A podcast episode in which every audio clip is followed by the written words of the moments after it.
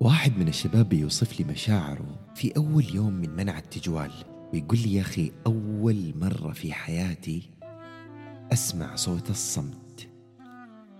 بغض النظر عن صحة الجملة اللغوية اللي هو قاعد يقولها بس أتوقع أنه فيها عمق مرة كبير لأنه تعرفوا بعيد عن التغيرات الكونية حولنا وكل الأشياء المحسوسة اللي ما عادت محسوسة.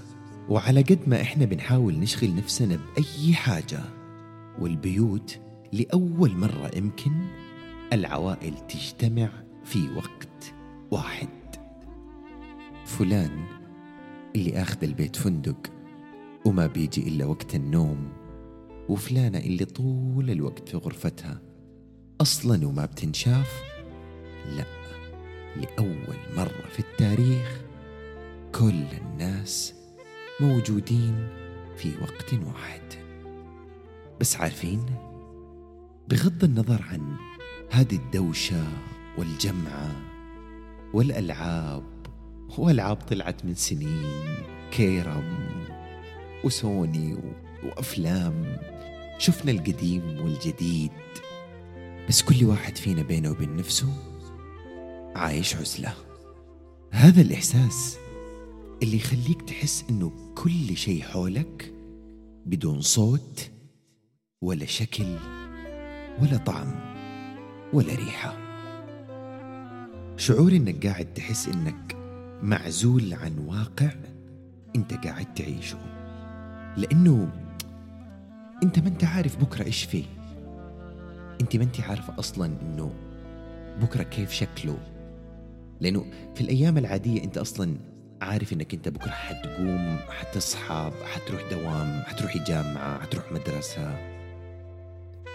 بس اليوم ما أدري هو زي بكرة ولا بكرة زي اليوم ولا بكرة في خبر جديد.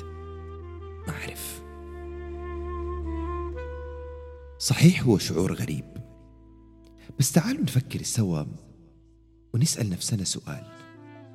هل المفروض إنه أنا أسلم لهذا الشعور ولا المفروض إنه يكون لي كلام تاني معاه في مقولة تقول When you can't control what's happening challenge yourself to control how you respond to what's happening. يعني إيش؟ ده الكلام. الكلام ده بالبلدي يعني. إذا ما قدرت تتحكم في الظروف اللي حولك تحدى نفسك بإنك تتحكم بأفعالك تجاه هذه الظروف. ولكن خلينا أول شيء قبل ما نحاول إنه إحنا نتحدى هذه الظروف لازم نفهم إيش هي هذه الظروف اللي إحنا قاعدين نتكلم عنها. لأنه إذا في شيء أنا لازم أواجهه لازم أفهمه ولازم أعرف إيش هو؟ ولازم أعرف أنا إيش الأشياء اللي خسرتها وإيش الأشياء اللي ممكن من غير ما أعرف أكون كسبتها. يعني على سبيل المثال حرياتنا ما عاد صارت في يدنا وقتك اللي أصلا أنت كنت تقدر تتحكم فيه زي ما تبغى. تبغى تدخل تدخل تبغى تخرج تخرج. اللي يجي في بالك تقدر إنك أنت تسويه في أي وقت وفي أي زمان وفي أي مكان. الآن مش وقتك. هذا هو الظرف اللي أنت ما تقدر تغيره لأنه عندك أمر وأنت لازم تلتزم بهذا الأمر. ولكن ردات فعلك أنت اللي مسؤول عنها. أنت اللي تقدر تضيع وقتك في القيل والقال واللي ينفع واللي ما ينفع. أو تقدر إنك أنت تخلي هذا الوقت الكثير اللي عندك ممكن تقضيه في أشياء كثير مرة تنفعك في حياتك. أها وصح. بس قبل ما تبدأ تفكر في إنك أنت إيش ممكن تسوي لازم تشكر الله سبحانه وتعالى ألف مرة. مليون تريليون قد ما تقدر أشكر. ربك على نعمة الحرية اللي انت كنت فيها. في الحقيقة مو بس كنت أنا وإنت نعيش إلى اليوم أسمى أنواع الحرية إن صح التعبير. لأنه يمكن الشيء الوحيد اللي تغير علينا إنه بس ما بتقدر تخرج وقت ما تبغى وفي بعض الأوقات كان لما ما يعجبك أكل البيت تقدر تطلب دليفري وتوقف الدليفري شوية. بس غير كذا كل ما لذ وطاب من ملذات الحياة اللي تبغاها موجودة حوالينك. ولكن ما تخيلت إيش ممكن يصير حالك لو كنت سجين جهاز تنفس اصطناعي أو سجين غرفة عناية مركزة. أو سجين زنزانة. صدقني لا قدر الله ما كنت حتحب أبدا إنك تعيش هذاك الشعور. إذا بغض النظر عن كل شيء إحنا عايشينه اليوم في هذه العزلة نقدر إنه ناخده بجانبه المظلم اللي ممكن نكون شايفينه وجانبه هذا الغامض اللي ما إحنا عارفينه ونقدر إنه إحنا نخليه كله أمل وكله تفاؤل وكله ثقة بأن الله سبحانه وتعالى حيطلعنا من هذه الأزمة على خير.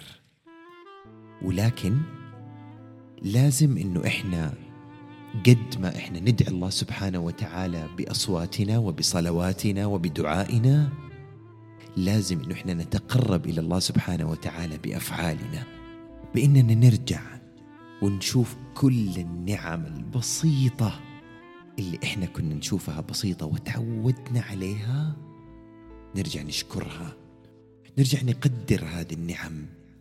وما نقعد نسوي زي ما الناس اللي قاعدة تسوي يقول لك والله أول ما حيفكوا الحظر يومين ما حرجع البيت. هذا البيت هذا الأمان.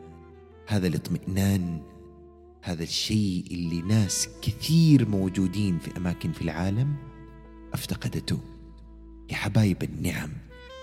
الأشياء اللي إحنا موجودين فيها تقديرنا لكل الأشياء اللي موجودة حولنا هذه واحدة من الأشياء الرئيسية اللي قد تشفع لنا عند الله لزوال هذه الغمة.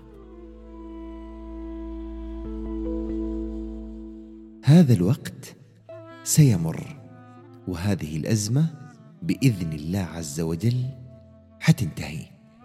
ولكن في صنفين من الناس حيخرجوا من هذه الأزمة.